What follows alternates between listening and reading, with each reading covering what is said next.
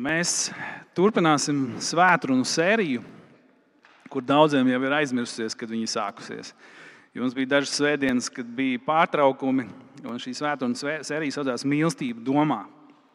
Un es jums ātri atgādināšu, kā, par ko mēs runājām iepriekšējās svētdienās, kur Kārlis dalījās. Tas bija par šiem posmiem, kā veidot veselīgas attiecības, kā veidot veselīgas attiecības ar Dievu kā veidot veselīgas attiecības ar cilvēkiem un veselīgas attiecības arī vienam ar otru. Un Kārls dalījās ar šo sākumu, ar šo pirmo lietu par iepazīšanos. Cik svarīgi mums ir iepazīties, cik svarīgi mums ir iepazīt vienam otru, cik svarīgi ir iepazīt Dievu. Un tad šī otrā svētdiena bija par uzticēšanos. Tad, kad mēs esam iepazinušies, tad mums ir viegli uzticēties. Tad mums ir jāspēr šis solis. Un Jūs atceraties, kā Kārlis dalījās, kas ir svarīgi šajā uzticēšanās posmā un kādi ir arī izaicinājumi. Un šajā svētdienā es dalīšos ar tādu tēmu kā paļaušanās. Paļaušanās. paļaušanās gan uz Dievu, gan paļaušanās attiecībās, kā tas izskatās. Es sākšu ar uh, nelielu stāstu. Varbūt jūs esat šo stāstu dzirdējuši, visnotaļ jūs esat viņu visticamāk dzirdējuši. Bet šis stāsts ļoti labi raksturo un parāda, ko nozīmē paļauties. Bija tāds 1850. gados bija tāds akrobāts, virves akrobāts. Viņa skatuves vārds bija Blondīns. Un viņš e, izaicināja sevi darīt dažādus trikus. Un viens no tādiem pārgalvīgiem trikiem bija, ka viņš novilka virvi e, pāri Niagāras ūdenskritumam, no Kanādas uz Ameriku. Un viņš eh, saicināja cilvēkus, aptuveni 25,000 cilvēku sanāca. Tas viss ir fotografiski dokumentēts, jūs varat pēc tam to pārbaudīt. Un viņš teica cilvēkiem, vai jūs ticat, ka es varu pāriet pāri nu, tikai uz vīru bez, kādas, bez kāda atbalsta?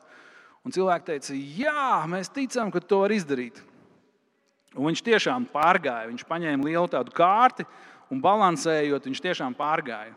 Lai gan lielākā daļa cilvēku bija veikuši derības uz to, ka viņš nokritīs un nomirs, viņš to pārgāja, viņš pārgāja tam pāri un viss bija sajūsmā, oh, tas ir kaut kas neredzēts. Tad vēl pēc kāda laika viņš gribēja vēl nākamo līmeni. Nu, kas būtu nākamais līmenis? Un viņš saka, vai jūs ticat, ka es varu ķēru, paņemt ķēru un, un pāriet pāri ar ķēru no vienas puses uz otru pusi? Un visi cilvēki saka, jā, mēs ticam, aiziet.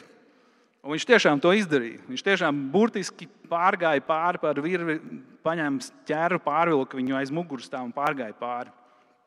Un tad un cilvēki, protams, sajūsmā, viņi saka, nu tāds vispār drosminieks. Un tad saka, tad viņš prasa, vai jūs ticat, ka es varu paņemt cilvēku pičpaunā un pārnest pāri? Un visi cilvēki saka, jā, mēs ticam, ka to var izdarīt. Un tad viņš pagriežās pie tiem cilvēkiem un saka, nu, kurš gribētu būt brīvprātīgais? Un tajā brīdī neviens nepieteicās. Viņš pēc tam piespieda savam menedžerim būt par brīvprātīgo. Pēc divām nedēļām viņš vēlāk arī to izdarīja. Bet šis stāsts ir par to paļaušanos. Šis stāsts raksturo to brīžiem mūsu to ticību, kad ir tā ticība, ka Dievs to var, vai ticība Dievam, kad, nu, ka tas var notikt. Bet tad ir tas mirklis, kad ir jāspēr šis solis. Un šī paļaušanās, šī paļaušanās ir tieši tas, kad ticība darbībā, ticība, kad tu jau dodies, ticība, kad tu saskaries ar kaut kādu dzīves realitāti. Nevis tikai tā teorētiski vai tā kaut kas, ko tu zini, bet tas tiek pārbaudīts. Un droši vien viss, viss tāds spēcīgākais pāns, ko varbūt daudz no jums esat arī Svētdienas skolā mācījušies no Salmāna pamācībām, trešās nodaļas, no 5. līdz 6. 5. 6. pāns. Noteikti daudz no jums zina no galvas, kur rakstīts šie vārdi. Paļaujies uz to kungu no visas sirds un nepaļaujies uz savu prātu gudrību, bet domā uz to kungu visos savos ceļos. Tad viņš darīs līdzenas tavas tekas. Visos savos ceļos. Paļauties uz Dievu visās savās dzīves sfērās. Un, protams, ir mums jādomā par tādu veselīgu paļaušanos uz Dievu un par tādu neveselīgu paļaušanos. Es jums došu piemēru. Jūs atceraties, ka tad, kad Jēzus tika kārdināts tūkstnesī, tad bija šis notikums, kur Jēzus tiek aizvests uz templi, uz tempļa augšas, un Sātans kārdina Jēzu. Un ko viņš saka? Viņš saka, ja tu esi Dieva dēls, tad nolaidies zemē, jo stāv rakstīts, Viņš saviem eņģeļiem par tevi pavēlēs, un tie tevi nesīs uz rokām, ka tu savu kāju pie akmens nepiedauzīsi. Iedomājieties, Sātans nevis vienkārši teica, lec lejā, bet viņš citē Dieva vārdu. Viņš citē 91. psalmu, ko mēs arī lasām, un mēs stiprinām savu ticību. Un Sātans saka, nu, rekur, lec lejā. Un ko Jēzus atbildēja? Jēzus viņam atbildēja, ka atkal stāv rakstīts, Dievu savu kungu tev nebūs kārdināt. Un tāda neveselīga paļaušanās uz Dievu ir tad, kad ja mēs nostājamies situācijā, kur mēs sakām, nu, Dievs, es lekšu, un tu man noķer. Ja? Nu, es tad esmu nolēmis, ka es padarīšu šo problēmu par Dieva problēmu. Es rīkošos kaut kā pārgalvīgi, un lai Dievs man noķer. Un, protams, ka Dievs savā žēlstībā, Viņš arī var, jo Viņš dod savu žēlstību vairāk nekā mēs esam pelnījuši. Un Dievs var mūs tiešām glābt. Bet ir pārgalvīga tāda paļaušanās, kur mēs negribam nest atbildību. Jo paļaušanās uz Dievu tā neatbrīvo mūs no atbildības nešanas, ne, neatbrīvo mūs no atbildības par saviem lēmumiem. Bet veselīga paļaušanās. Veselīga paļaušanās ir tāda, ka tu esi gājis šo iepazīšanās fāzi, tu uzticējies Dievam, un kad tu uzticies tam, kas stāv rakstīts, tu uzticies tam, kāds Dievs ir. Un visās lietās, visās savas dzīves sfērās, Tu centies piepildīt viņa gribu. Tu meklē, kā es to varu izdarīt, ko Dieva vārds saka, ko Dievs par to saka. Un reālajā dzīvē nav jau tā, es gribētu, lai tā būtu, bet nav jau tā, ka cilvēks nāk pie Kristus un viņš uzreiz, oh, viss, es uzticos visās savās dzīves sfērās.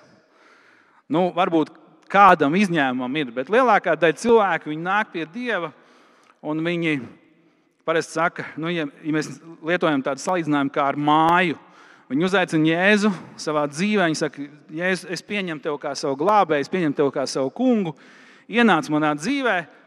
Un tad ir šīs sfēras, tad ir šīs istabas. Tu ienāc, ja es ienācu mājā un redzu, kur ir dzīvojamā istaba, kur es esmu speciāli priekš tevis sakārtojis, un šeit tu vari dzīvot.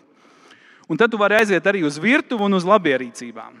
Bet tad ir tās istabas, vai tās dzīves sfēras, nu, kurās negribās viņu laist. Vismaz tad, kad tu esi tikko atgriezies, tu tā kā neesi tāds teic, Dievs visas istabas, ej visur, jo tur ir nekārtība. Es nesaukšu nevienu vārdā un neminēšu, kuras istabas ir tās manā mājā, kuras manā fiziskajā mājā, kurās nevajadzētu iet. Bet ir istabas, kurās ir nekārtība un kurās saprotu, o, man ir kauns, es negribu tur laist. Bet tad tu iepazīsti Dievu aizvien vairāk, un tu viņam uzticies. Un tad ir šī istaba, kad saka, ok, es esmu gatavs uzticēties Dievam. Es esmu gatavs šo sfēru dzīves atdot viņam. Es atveru šīs durvis vaļā. Un ziniet, kas notiek? Pārsteigums, ka Dievs ienāk tajā. Viņš nav pārmetumu pilns, viņš nav nosodošs, viņš nav tāds, kas tevi saplos gabalos, bet viņš ienes gaismu, viņš, viņš sakārto to sfēru un tu uzelpo un tu saki, ah, Dievs ir labs. Kāpēc es ātrāk viņam neusticējos? Un, tu, un saka, Dievs, tik labi, ka tu esi šajā dzīves sfērā arī ienācis, un man tur bija tāda nesakārtotība.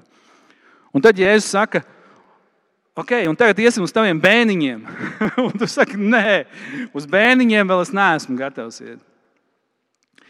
Un ar to uzticēšanos ir tā, ka mūsu ticības dzīvē ir radikāls pagrieziens ir tad, kad mēs Jēzum atdodam visas savas istabas atslēgas. Visas. Pat tur, kur ir kaut kāda nekārtība, tur, kur ir kaut kas, ar ko mums liekas, man no sākuma jātiek ar to galā, un tad es varēšu tuvoties Dievam. Bet kad šis radikālais pieaugšanas brīdis un paļaušanās brīdis, kad saki, es uzticos arī tur, kur nav vēl kārtība. Es to zinu, Dievs to zina, varbūt arī man māsas un brāļi to zina bet es tomēr esmu uzticējis. Es neatkāpjos, es necenšos kaut ko notušēt, necenšos kaut ko slēpt. Un mūsu paļaušanās uz Dievu tā ir tieši saistīta ar paļaušanos uz Dieva vārdu. Noteikti jūs arī, kad kļuvāt par kristiešiem, jums bija dažādas idejas par dažādām tēmām un dažādi koncepti. Jums likās, ka kristietim vajag tā darīt, un tad jā, es te iešu un ticēšu, bet par to jautājumu es domāju tā, par to jautājumu es domāju tā. Un, tad, ja kāds tev pamāca, tad tu vienkārši pasties viņu, kas viņš tāds ir, ko viņš no dzīves ir redzējis. Es zinu labāk, un tas jau ir normāls tāds augšanas posms. Bet mēs varam būt kārdināti izveidot savu tādu kristiešu standartu. Nu, kad es zinu labāk, kristiešu standarts ir tāds, nu, ka to es daru, to es nedaru, tas ir tā, tas ir tā. Bet tas, ko Dieva vārds mums aicina, ka mums ir viens standarts. Mācītājiem Kārlim ir viens, Tomasam ir viens, tev ir viens, man ir viens. Viens un tas pats Kristus mācekļa standarts. Viņš neko neatšķirās. Nu, kāds, kas ir lasījis Dieva vārdu, teiks, nu jā, bet par mācītāju tur rakstīts ir sīkāk. Viņam tur ir vēl tas un tas, un viņš nedrīkst būt tāds, un tikai tad viņš drīkst kalpot. Es, es tam piekrītu. Bet tomēr Kristus mācekļa standarts mums visiem ir viens. Un iedomājies, ja tu nepaļaujies uz Dievu kaut kādos jautājumos, un tu saki, nu, es tam teorētiski piekritīšu, bet man ir tomēr savas idejas. Tad tu piedzīvo, ka dzīvē ir sava veida bērza Nu, līdzīgi kā iedomājieties, jūs spēlētu hokeju, un pa lielam jau mēs visi zinām, kas ir jādara. Ir jādabūna tā rīpa, jādabūna pretinieku vārtos un viss. Bet tomēr ir kaut kādi noteikumi. Tomēr ir kaut kādi noteikumi, kurus visi dzīvo. Un, ja tu dzīvo kā Kristus māceklis pēc saviem noteikumiem, tas ir kā spēlēt hokeju pēc saviem noteikumiem. Un laiku pa laikam tu saskaries ar to, ka tev tiesnesis svilpj, komandas biedrs kaut ko svilpj pretinieks kaut ko dara nesaprotam. Un tāda kristieša dzīve, tādā puspaļāvībā, viņa īsti nestrādā. Un viņa nestrādā, ka tu nepiedzīvo daudzas lietas, kas Dieva vārdā ir rakstītas, un daudzas lietas, kas Dieva vārdā ir apsolītas. Tur rakstīts, ka mums būs, kā kristietim, būs prieks un miers svētajā garā. Ja es teicu, ka mums būs dzīvība un dzīvības pārpilnība, bet dažreiz tu nepiedzīvo to tāpēc, ka tu neesi paļāvies visā pilnībā, visas savas dzīves sfēras. Teici, ok, es visu pakļaušu, visu, jebko pakļaušu tam, kas ir rakstīts. Pakļaušu Dieva vārdam un mēģināšu izdzīvot maksimāli bez savām idejām par to. Es jums došu arī piemērus. Mēs šajā sērijā runājam par laulību, arī par laulību. Un Dievs ir arī devis laulībai savu dizainu. Viņš ir radījis laulību, viņš zina, kā tam ir jāfunkcionē. Un es ticu, ka daudz no jums, līdzīgi kā es, kad es apprecējos, man bija savas idejas, kā laulība funkcionē. Es biju jauns kristietis, un man liekas, viss būs brīnišķīgi. Un tad es lasu Dieva vārdu, un Dieva vārds saka, šī ir tā istaba, kurā tev jāielaiž Kristus, un kura, kurā tev jāļauj dieva vārdu gaismai apspīdēt. Un tas bija diezgan liels izaicinājums, jo man liekas, paga, paga, man ir pretenzijas, un es jums savas pretenzijas izstāstīšu. Bet pirms tam es gribu, ka mēs varam izlasīt kopā raksturvietu no vēstules efeziešiem, kur Dievs saka par laulību. Viņš stāsta par to, kas ir vīram un kas ir sievai. Viņš abiem diviem adresē kādas lietas. Vēstule Efeziešiem 5. nodaļa, no 22. līdz 33. pantam. Un tur rakstīts tādu vārdu: Sievas, esiet paklausīgas saviem vīriem, kā tam kungam, jo vīrs ir sievas galva. Tāpat kā Kristus ir draudzes galva, būdams savas miesas pestītājs. Bet kā draudzene ir paklausīga Kristum, tāpat arī sievas saviem vīriem visās lietās. Vīri, mīliet savas sievas tāpat kā Kristus ir mīlējis savu draugu, pats nododamies viņas labā, lai to darītu svētu, šķīstot ar mazgāšanu ūdenī caur vārdu. Sev savu draugu sagatavojams cienīgu, bez traipa, bez krunkas vai cita tam līdzīga trūkuma, lai tā būtu svēta un bez vainas. Tā arī vīriem pienākas savas sievas mīlēt kā savu miesu. Kas mīl savu miesu, tas mīl sevi pašu. Jo neviens nekad vēl nav ienīdis pats savu miesu, bet katrs to kopj un glabā tāpat kā Kristus draugs. Jo mēs esam viņas miesas locekļi. Tādēļ cilvēks atstās tēvu un māti un pieķersies savai sievai, un abi kļūs par vienu miesu. Šis noslēpums ir liels, es to attiecinu uz Kristu un draugu. Bet arī katram no jums būs savu sievu mīlēt kā sevi pašu, bet sieva lai jūt bību pret savu vīru. Nu, pirmajā brīdī es izlasu šo rakstu, un man liekas, ka vīram ir drusku labāka situācija nekā sievai. Un kāpēc? Tāpēc, ka mums nepatīk pakļauties. Mums nepatīk pakļauties valdībām, mums nepatīk pakļauties policistiem, bērniem nepatīk pakļauties vecākiem, bērniem nepatīk pakļauties skolotājiem. Mums ne, nepatīk pakļauties mācītājiem arī. Un tas nav kaut kas, kas mums nāk dabīgi. Un liekas, nu, viss te ir tik vienkārši. Sievām rakstīts, lai viņas paklausa, un vīriem ir rakstīts, lai viņas mīl, lai vīri mīl sievu, vīrs mīl sievu. Un attiecīgi liekas, ka nu, vīriešiem ir vieglāk, jo mīlēt taču ir vieglāk nekā būt paklausīgam. Bet, ja mēs uzmanīgi paraugamies šo vārdu, kas šeit rakstīts par dievu dizainu, tas nav rakstīts vienkārši paklausīt. Vai tur nav rakstīts vienkārši mīlēt. Tur rakstīts paklausīt kā tam kungam un mīlēt, kā Kristus mīl draugu. Nu, nezinu, kā jums, kad es kļuvu par kristieti, ka es to izlasīju, un ka es iedziļinājos, un ka es sapratu, ko nozīmē vīram jāmīl sieva, kā Kristus mīl draugu. Neiespējami. Visi es atzīmēju, neiespējami, un lasam tālāk. Un vēl, ja ar to nepietiek, nākamā lieta, ko es meklēju, tur ir jābūt noteikti pāntam, kas paskaidro šo te, ka tur jābūt nosacījumam, ja Ja sieva ir paklausīga, tad vīrs lai mīl sievu. Vai ja vīrs ir tāds kā Kristus, viņš mīl sievu, tad sieva ir paklausīga. Un es rīktīgi lasīju, un paskatījos arī citās valodās, paskatījos angliski, paskatījos krieviski. Nu, nav, nav tā, ja nav šī nosacījuma. Un tas man bija otrais neiespējami. Visas vēlreiz atzīmēju, šis nav iespējams. Ja nav šī nosacījuma, tas nav iespējams. Un tad vēl trakāk ir tas, ka, tas, ka es zinu, kas ir rakstīts sievai. Nu, vai nebūtu labāk tā, ka vīram būtu iedota vīra bībele, un sievai būtu iedota eh, sievas versija, un viņi abi nerunā un nesaka, kas tur ir rakstīts? un vienkārši izlasu, kā vīrs, es izlasu rekursu, uz manīm tas attiecās.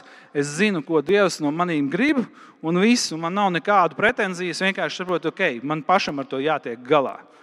Bet es taču zinu, ko tā sieva, kas tai sievai ir rakstīts. Un sieva tāpatās zina par mani. Un tas man arī likās vēl viens neiespējami. Ja es zinu, kas sievai jādara, neiespējami šādi dzīvot.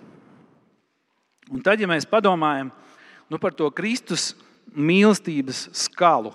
Nedomājies no 0 līdz 100%. No 100% būs tā absolūtā Kristus mīlestība absolūtā paklausība Kristum. Un tad saprotu, ka Dieva vārds aicina, ka, lai mēs cenšamies pēc šī maksimuma. Un tad man bija vēl argumenti, man bija vēl jautājumi. Kā ir tad, ja es cenšos, un man sieva cenšas mazāk? Nu, kā ir tad, ja es cenšos 75%, bet mana sieva cenšas 65%? Un tad dzīves beigās mēs savilksim mūsu laulību bilanci un sanāks, ka es būšu zaudētājs. Nu, labi, 10% es varētu uzdāvināt. Nu, 10% būtu pieņemami. Bet kā ir tad, ja sieva censtos 30% un es 75%?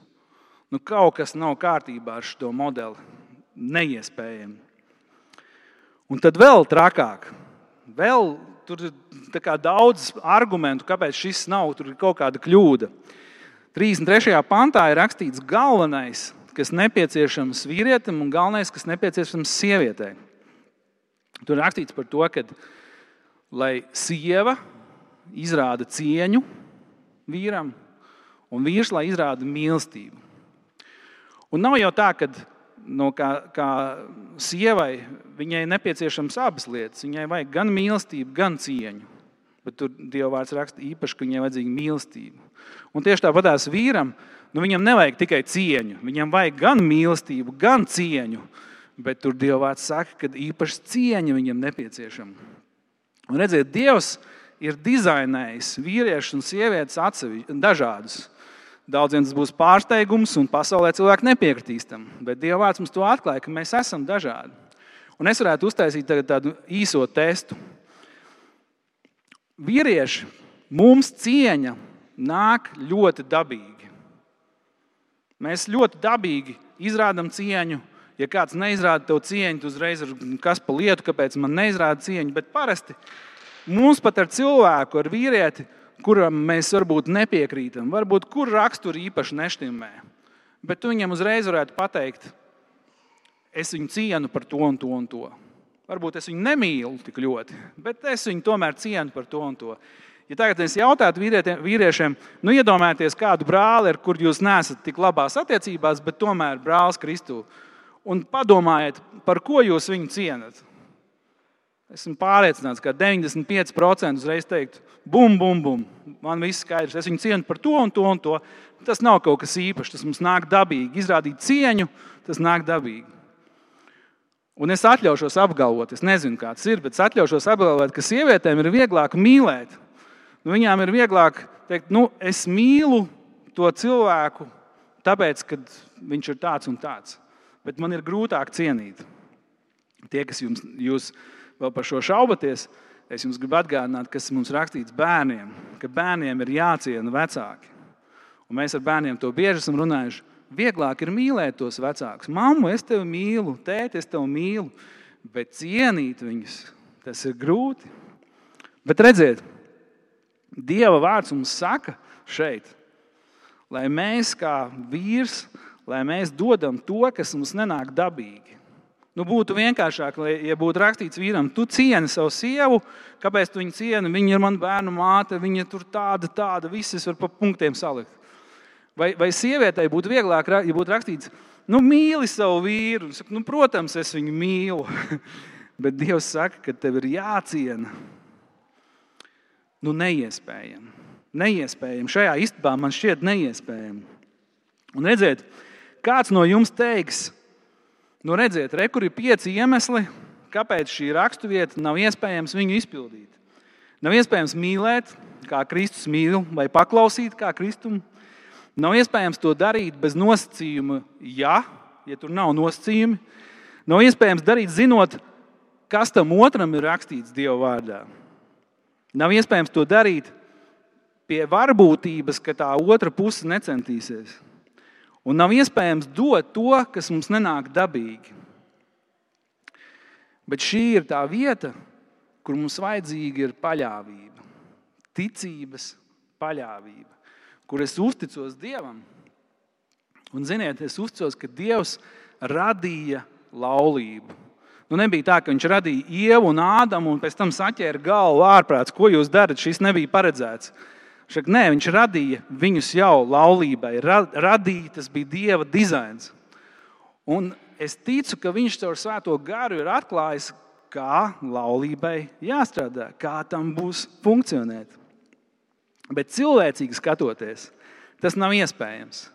Cilvēcīgi šķiet, es saprotu šo vārdu, es zinu šo vārdu, bet kas mums nepieciešams? Mums nepieciešams ticība, ticības paļāvība. Un ziniet, tā lielā lieta tajā, tā lielā lieta ir tajā, ka mūsu ticības dzīve nav dabiska. Tas nav kaut kas tāds, ko mēs dabīgi saņemamies. Mēs neesam kā budisti, kas vienkārši cenšas kļūt labāki. Mēs nedzīvojam tādu dzīvi, ka nu, es vienkārši saņemos, es saprotu, es to pieņemu. Nu, tagad es centīšos mīlēt sievu. Bet mūsu dzīve ir pārdabiska. Un domājot par, to, par šo dienu, arī par šo dienu, ko mēs svinam vasaras svētkus, kad svētais gars to dots draudzēji. Ja, kad vispār šī diena ebrejiem bija svētku diena. Un ziniet, ko viņi svinēja? Viņi svinēja to, kad mūzum tapa dota bauslība. Un viņi svinēja un gaidīja šo dienu, un šajā dienā, pēc tam tieši tajā pašā dienā, Dievs sūta svēto garu. Un ka mēs redzam, ka šis vārds, šī patiesība, kas bija dota un gars, tas sanāk kopā.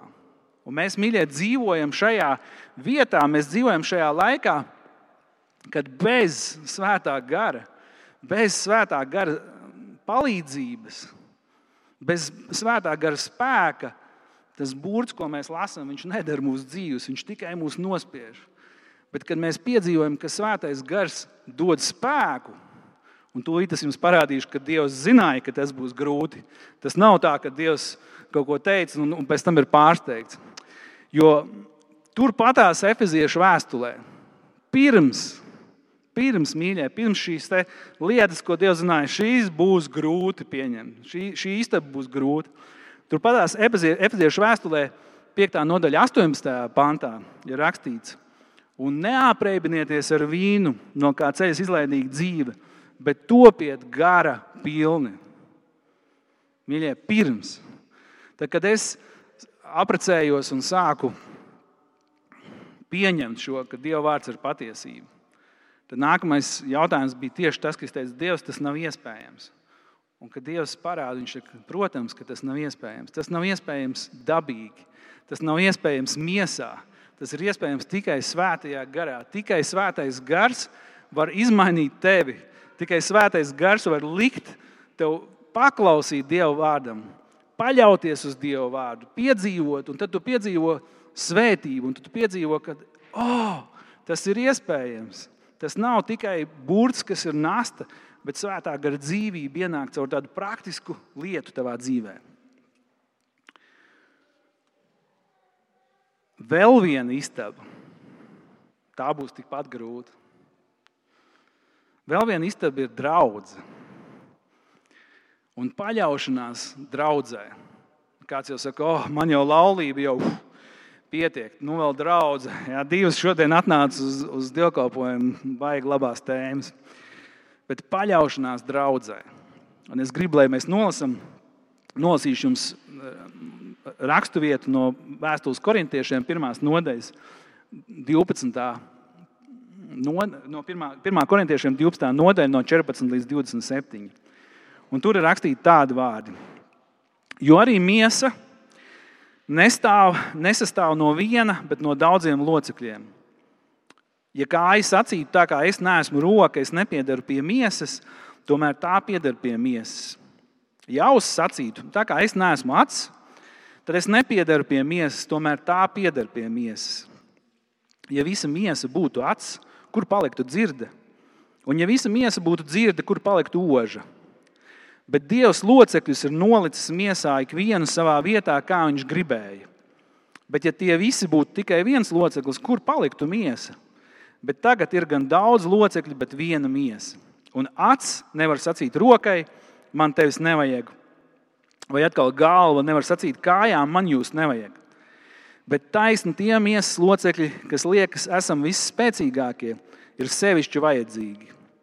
Bet kas mums miesā izliekas mazāk cienījams, tos mēs ietērpjam sevišķā godā. Un mūsu nepieklājīgie locekļi dabūna sevišķu godu, bet pieklājīgiem tas nav vajadzīgs.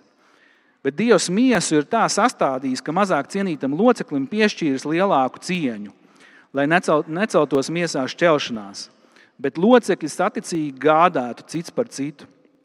Un kad viens loceklis cieš, tad visi locekļi cieš līdzi. Vai kad viens loceklis top godāts, tad visi locekļi priecājas līdzi. Bet jūs esat Kristus miesa un katrs par sevi locekļi. Ir tāds pētījums, ja jūs esat kādreiz eh, studējuši starptautiskās attiecības, viņš saucās eh, Hofsteda pētījums. Viņš pēta kultūru dimensijas vai kultūra atšķirības. Un nevis tādā ziņā, ka skatoties vēsturi vai etnogrāfiju vai kaut ko tādu, bet viņš pēta tādas pazīmes, kuras ir visām kultūrām.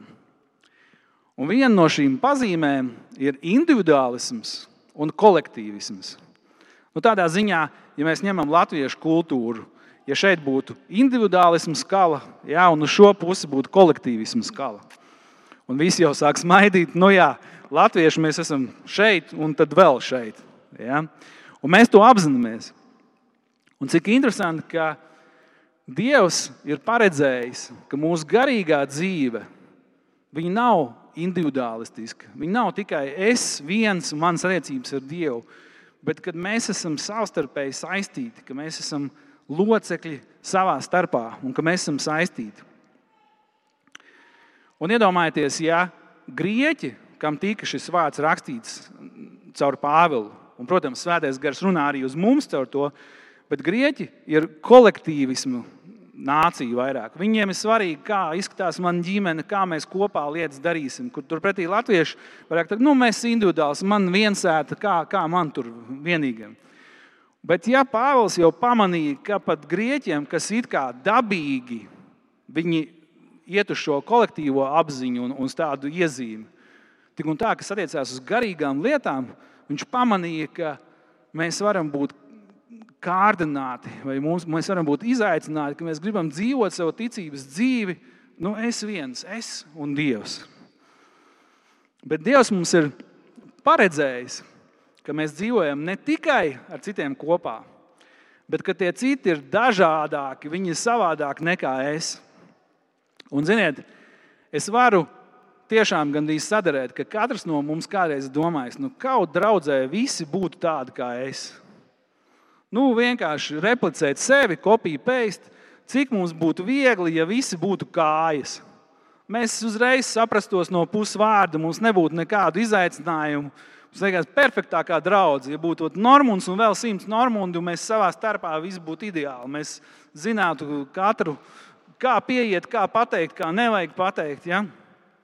Un es ticu, ka mēs visi esam par to domājuši. Bet tas nav Dieva dizains. Tas nav Dieva dizains draudzēji.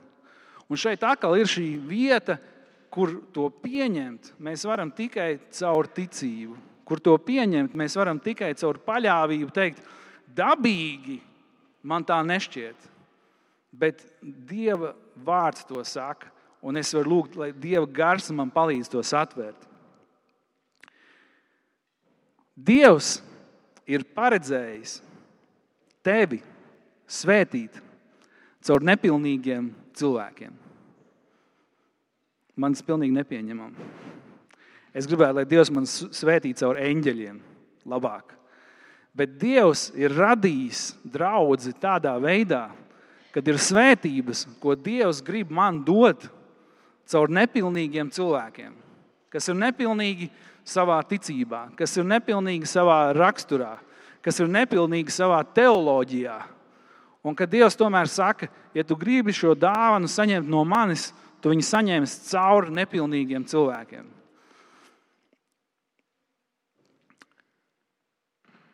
Es jums došu vienu piemēru.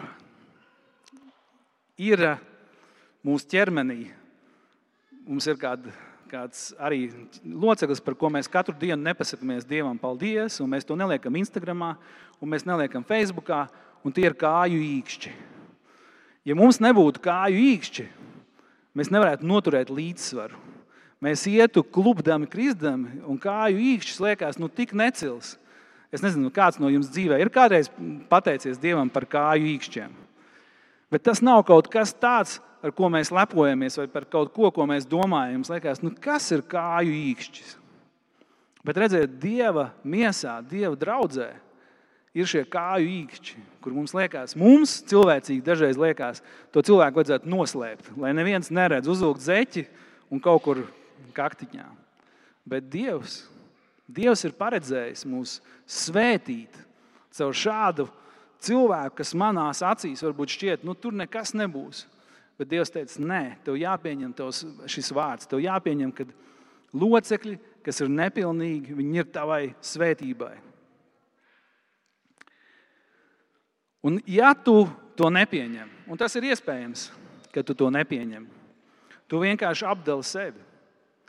Es ilgi savu dzīves daļu, šī bija viena no istabām, kur Dievs tā kā gribēja atvērt, un man likās, nu, esmu gatavs ielaist, un es jau to teorētiski tā pieņemu. Bet vai es tiešām ticu, vai es tiešām ar ticību raugos, ka vismazākais brālis, vismazākā māsa, kas man ir blakus, ka viņi varētu būt par svētību manā dzīvē. Ka Dievs varētu runāt, ka es atnāku uz kopienas tikšanos un ka man liekas, es nāku šeit ar ticību, jo es zinu, vai uz lūkšanu vakaru es nāku ar ticību, jo es zinu, ka jebkurš no maniem māsām, brāļiem, viņi var runāt manā dzīvē. Dievs var izmantot viņus manā dzīvē. Mēs to pieņemam ar ticību. Otra lieta ir, ka Dievs nevēlas, lai tu dzīvo individuālista ticības dzīvi. Nu, tāds individuālists. Un es jums došu vēl vienu piemēru.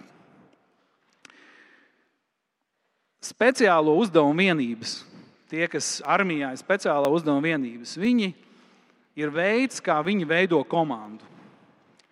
Un viņi skatās, ja mēs iedomātos, šeit ir vertikālās Y, šī ir Y un tā ir X vai X, Y, Y, y skala. Un, ja jūs iedomātos, ka šeit tiek vērtētas spējas, cik tu esi fiziski atletisks, cik tu māki šaut, cik tu esi nezinu, zini valodas un apģērbīgs un tā tālāk. No 1 līdz 10. Un šeit būtu skala, kur ir paļaušanās. Cik ļoti es varu paļauties uz to savu komandas biedru, cik ļoti es uzticos, cik ļoti viņam ir raksturs. Un, ja iedomājaties, šeit ir skala, kur ir, ir šīs vērtības, kur ir šī, šī spēja, un šeit ir šis raksturs, šī paļaušanās, cik uz tevi var paļauties. Un neviens negrib komandā tādu, kas ir šeit, nu, kuram nav nekādu spēju un kuram nav raksturs. Un visi grib to, kas ir šeit, kurš, kuram ir desmit uz desmit, ja, kuram ir desmit spējas un desmit paļaušanās. Un varētu likties, ka nu, tas jau būtu ideāli, ja visi tādi būtu. Bet realtātē ir ļoti grūti atrast tādus cilvēkus, kas ir desmit uz desmit. Un tad šīs speciālo uzdevumu vienība, viņi domā, nu, labi, desmit uz desmit mēs nevaram atrast, nu, samazināsim. Nu, ko mēs samazināsim? Samazināsim to paļaušanos, samazināsim to raksturu. Galvenais, lai labi šauj, lai, lai ātri skrien, lai zinātu. Bet ko viņi secināja? Viņi secināja to, ka tas patiesībā ir bīstami ir bīstami, ja ir kāds, kuram ir spējas uz desmit, bet raksturs uz pieci. Tas nodarīs daudz vairāk ļauna nekā tas, kuram būs raksturs uz desmit un spējas uz pieci. Un, ziniet, man jādomā par ticības dzīvi un par to, ko Dievs mums saka. Mēs, kā kristieši, varam ļoti līdzīgi raudzīties, ka šeit, šeit mēs esam mūsu spējas, mūsu talanti. Šeit var būt mūsu svētā gara dāvanas. Mēs varam būt šeit, vai šeit var būt desmit. Bet tad jautājums par šo līkni, par, vai cilvēki var uz tevi paļauties? Vai tu spēj dzīvot kopā ar citiem cilvēkiem, kas nav pilnīgi, kas ir, kur saka, viņiem nav garīgs briedums tāds kā man, viņiem nav garīgs dāvans tāds kā man. Dievs mums saka, un Dievs mums māca, lai mēs augam, lai mēs mūsu raksturs ir šeit. Lai mūsu spējas, tas ir ļoti labi. Svētā gara dāvāns, tas ir labi, ka tu esi apdāvināts. Bet kur ir tavs raksturs, kur tu esi tāds, kur tava paļāvība ir uz desmit? Un atkal, Dievs tevi var lietot, arī ja tev šī paļāvība pieklibo. Saka, nu, bet Dievs man lieto. Bet visā pilnībā, tādā pilnībā, kā Dievs grib, lai tu nes augļus. Viņš var lietot tikai tad, ja tu esi paļāvībā uz viņa vārdu un saki, kungs, es pieņemu to. Es pieņemu, ka nestoties to, kas man ir dots, kaut vai es, man visas dāvāns ir, es būtu līderis un vēl nezinu, kas, bet kad es saprotu, ka man ir jāaug, man ir jābūt tādam, kad vai cilvēki var uz maniem paļauties, vai es esmu kopā ar šis, šī kāja, vai viņa ir augusi kopā ar visu pārējo miesu. Tā ir Dieva griba, ka Dievs grib, lai Kristus miesa funkcionē tādā veidā. Un, ziniet, ir ļoti daudz, ir ļoti daudz gan vīriešu, gan sievietes, gan, gan brāļi, gan māsas, kuri ļoti spēcīgi kaut kādā kalpošanā. Bet viņi nespēja izpildīt, vai viņi nespēja izaugt līdz tam potenciālam, ko Dievs viņiem ir devis. Tieši tāpēc, ka šī paļaušanās, šī, šī atkarība, šī piekrišana Dieva vārdam un te, teikšana, es viens nevaru. Es, ne, es neesmu radīts diev, tam. Un, ja mēs raudzītos uz, arī uz Pāvila dzīvi, mums nav laiks par to tik daudz runāt, bet mēs redzam, ka viņš visu laiku dzīvoja atkarībā. Viņš teica, tā ir draudzēji, lūdziet par mani. Tā ir draudzēji, paldies, ka jūs man atbalstat mm, finansiāli. Viņš Tesloniķiešiem raksta, atveriet savas sirdis. Es esmu atvēris savu sirdi, atveriet savas sirdis. Ja? Viņš dzīvoja attiecībās. Tā kā to, ko Dievs vēlās, Viņš vēlās mums mācīt par draugu, ka mēs esam draudzes miesā. Ka Dievs mūs rada un veido tādus, ka Viņš var paļauties uz mums, kad mūsu brāļi un māsas var paļauties uz mums, ka mēs neesam vieni paši. Vai to ir viegli pieņemt? Jums ir viegli pieņemt to, ka Dievs saka, ka Viņš varētu svētīt jūs caur neperfektiem cilvēkiem. Ziniet, man atkal ir jāsmaida. Jo Dieva vārdā Dievs jau zināja, ka arī šo lietu būs ļoti grūti pieņemt. Un viņš atkal saka, ka miesā, ar visu saņemšanos, ar visu sapratni, tas nav iespējams. Pirms Dieva vārds, pirms viņš runā par šīm lietām, kā mums dzīvot paļāvībā vienam uz otru, viņš atkal atgādina 1. korintiešiem 12, 13. Viņš atkal atgādina par svēto garu. Viņš atkal atgādina, nav iespējams dzīvot Kristus miesā, nav iespējams pieņemt, nav iespējams pieaugt paļāvībā, nav iespējams pieaugt tajā, ka cilvēki var paļauties uz tevi bez Dieva gara. Un kas tur ir rakstīts? 1. korintiešiem 12, 12. nodaļa 13.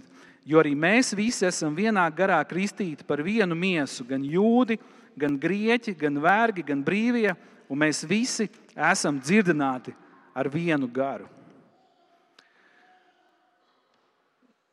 Dažiem jūsu dzīves izaicinājumi, jūsu dzīves ritmi ir tik ļoti aizņemti, ir tik ļoti jau daudz kas dzīvēm kad vēl tagad runāt par laulību, vai vēl tagad runāt par draugu, tas ir vēl viena nasta, vēl divas nastas.